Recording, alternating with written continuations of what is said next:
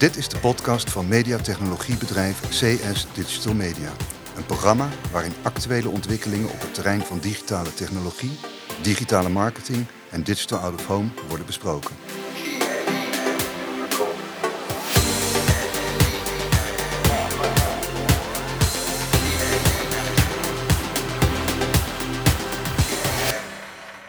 Welkom vandaag bij CSDM Podcast Showroom, editie 4. Ehm, voorgaande edities hebben we het gehad over eh, e-commerce en outdoor commerce. En vandaag hebben, hebben we als topic ehm, de DOTS. Niet de Dolly Dots, maar de Digital Opportunity to See.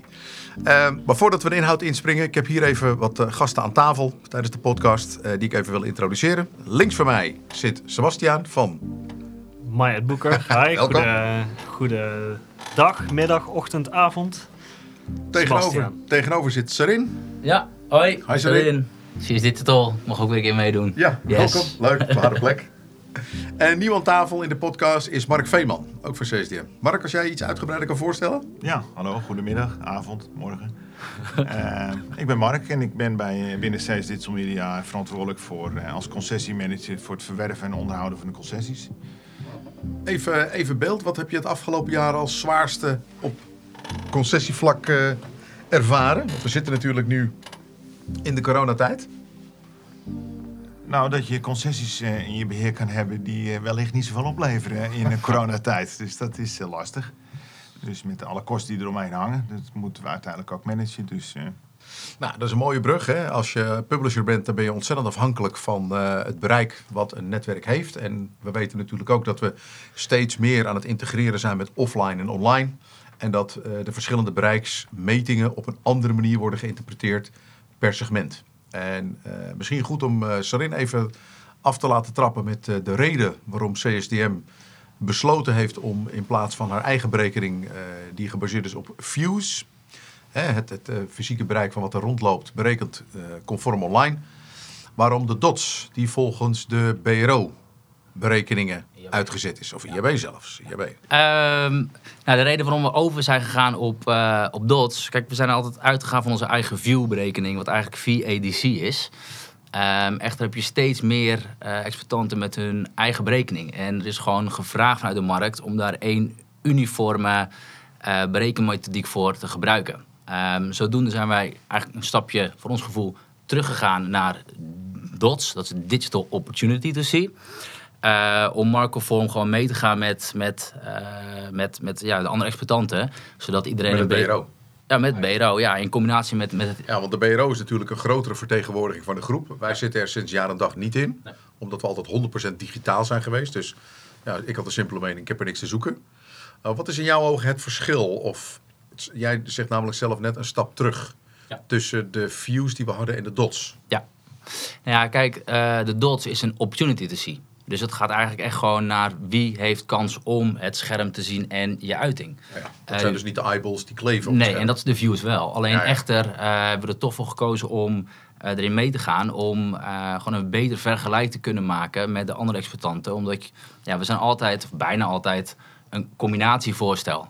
Ja. eh, om bereik te halen. Dus het is naar de markt eigenlijk ja, transparanter en makkelijker om de dots wel aan te houden. En de bottom line is gewoon ook de, de CPM op views was gewoon Laag. hoger. Ja. Dus, En bij dots is die laag. en met dots is die lager. Dus Ja, je, het vertekende beeld van een, eh, een voorstel in dots en een voorstel in views is dat de views lijken duur. Ja, de iedereen kijkt naar de prijs, hè?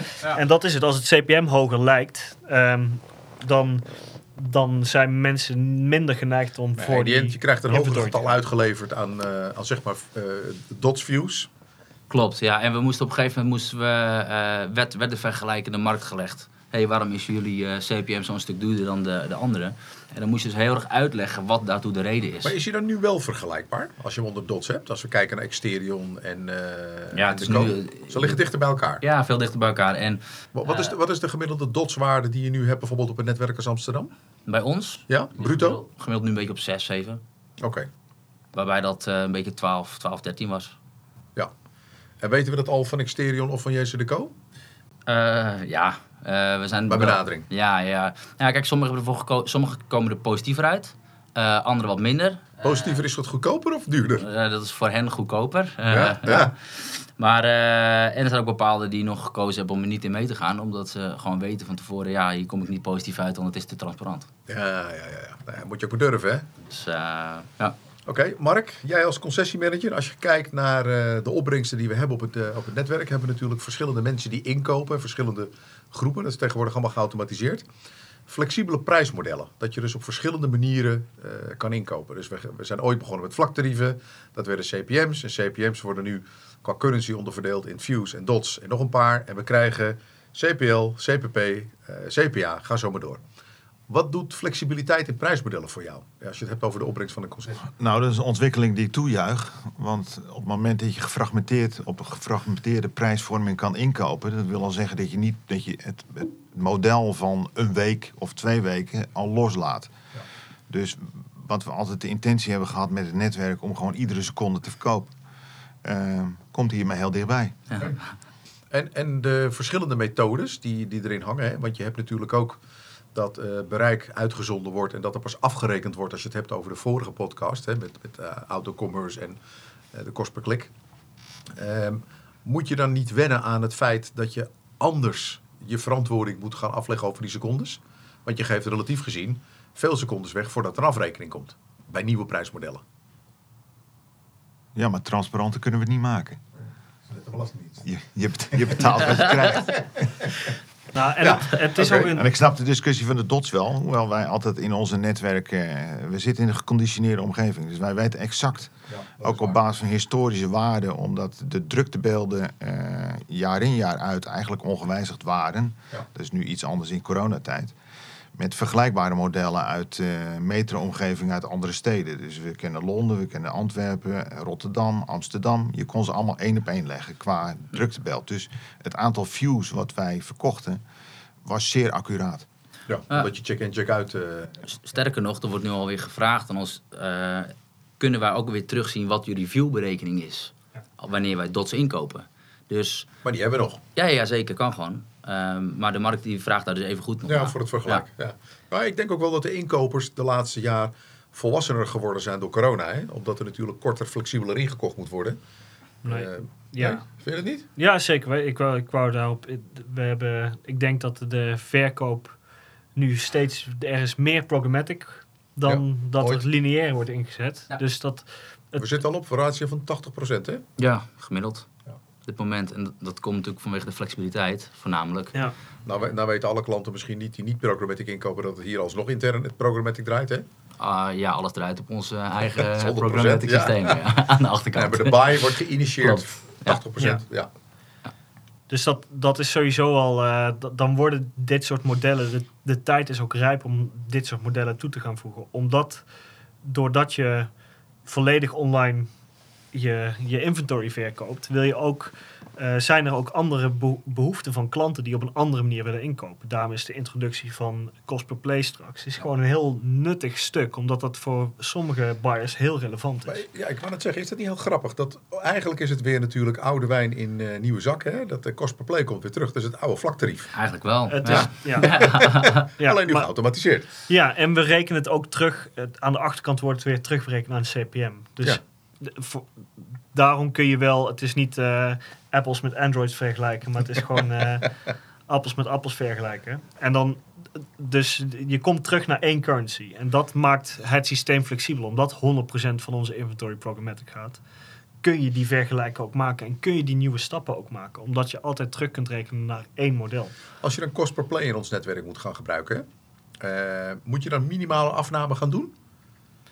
Of kun je het gewoon begrenzen op ik wil 1000 plays? Duizend plays prima. Dat is de flexibiliteit van, eh, van, het, van het systeem. Oké. En wat, wat is mijn eh, kost per play gemiddeld? Pak eens een Amsterdam, Amsterdam netwerk, als ik daar een play moet doen. Gemiddeld zit je week op 3 cent. En dat is per scherm. Per scherm, Ja. per playout. Ja. Ja, ja. oké. Dus als je dan 300 schermen gaat inzetten, dan is 300 keer 3 cent als je één keer een eh Ja, hoe bedoel je kost per play. nou, met 300 schermen die we hebben in Amsterdam, toch? Met de Noord-Zuidlijn. en het is voor de buyer gewoon ook de overweging om te maken van wanneer, waar ligt de price point beter? Wil ik op Ja. het bereiksinkoop zitten, dus op een CPM zitten, of wil ik op een vertoning inkoop zitten? En afhankelijk van wat de, wat de cost per play is versus de CPM, kun je gaan berekenen welke tijden moet ik op een cost per play gaan inkopen en welke tijden moet ik op een CPM gaan inkopen. Nou, is nog een hele zijn inderdaad. In En welke locaties? Ja, en je- welke ja. locaties. Dus dat zijn stukken die. Het wordt een ander type spel voor de, voor de inkoop. Dus, Hoogst eh, flexibel. ja, Is, is het zo dat je verwacht dat de inkopers dit op korte termijn gaan begrijpen? Of moeten we daar meer educatie aan eh ten grondslag gaan, eh, gaan leggen? Want eh laten we wel wezen, we zijn eh die idioten die eh, ooit in 2014 begonnen zijn met programmatic. Ik kan me nog sessies herinneren dat mensen me hebben aangekeken. En als je nu gaat kijken waar mensen naartoe gaan, dan zijn ze nu programmatic aan het implementeren. Maar wij gaan nu prijsmodellen combineren in eh, campagnes. nou, ik denk dat een groot deel van de. de, de, eh, de markt begrijpt, begrijpt het veel meer. Begrijpt het principe veel meer. En Ja. ook de logica van het teruggaan naar een cost per play. Naar inderdaad een, eigenlijk een prijs per vlak. ehm, maakt het voor inkopers die het CPM niet helemaal hebben willen. Eh, Adopteren. adopteren, maakt het weer juist het stuk programmatic weer toegankelijker. Dus ik, Ah. denk, ik denk dat je. Er moet wel geleerd worden, er moet begrepen worden. Ehm, en dat geldt ook voor onszelf. Kijk, we moeten ook gewoon zien wat zijn de goede price points en hoe gaat de markt, hoe gaat de markt deze posities ook inkopen. Dus Maar het, het, het maakt wholesale ook een stuk makkelijker natuurlijk. Hè? Ja. Je kan wholesale kan je natuurlijk ook nog... eh, Ja, en cosplay is gewoon heel plat, hè? Eigenlijk. Ja. Ik bedoel, je, je hoeft geen rekening te houden met, met wat is Bereik. mijn bereik op welke locatie, op welk tijdstip. Ja. Oké. En de MKB-markt? Eh, want de MKB-markt zal denk ik CPM natuurlijk minder makkelijk omarmen, maar cost per play Ja. veel makkelijker. Ja. Wat zien jullie daar voor ontwikkeling in, in de company? Nou, dat zien we bij Dutchton natuurlijk heel sterk. Die kopen echt alleen maar in op plays. Ja. Dus eh, voor hun maakt het het ook makkelijk. Zij verkopen 20.000 vertoningen. Ja. Ehm, dat is Makkelijk budget. Dat, tegen één budget. Dat is, dat is heel afgekaderd. Oké. Ehm, dus voor hun is het bereik minder relevant. Nou, volgens mij hebben we een redelijke espresso shot eh aan dots even gedaan. We zitten al bijna op de 10 minuten. Lang genoeg voor deze editie van eh, Showroom, waarin we de dots besproken hebben. Ehm, Voor vragen kun je natuurlijk contact opnemen met Sarin. en Leon. 06 1307. Heren, ik dank jullie wel voor deze editie van vandaag. Ja. Wij gaan op naar de volgende, editie 5. Ja. Tot ziens. Dankjewel. Hoi. Hoi. Dit was de podcast van CS Digital Media. De uitzending is terug te beluisteren op CSDM Online, op de social media kanalen van CSDM, maar ook op acht audioplatforms, waaronder iTunes, Spotify en Soundcloud. De CSDM podcast is een productie van CS Digital Media.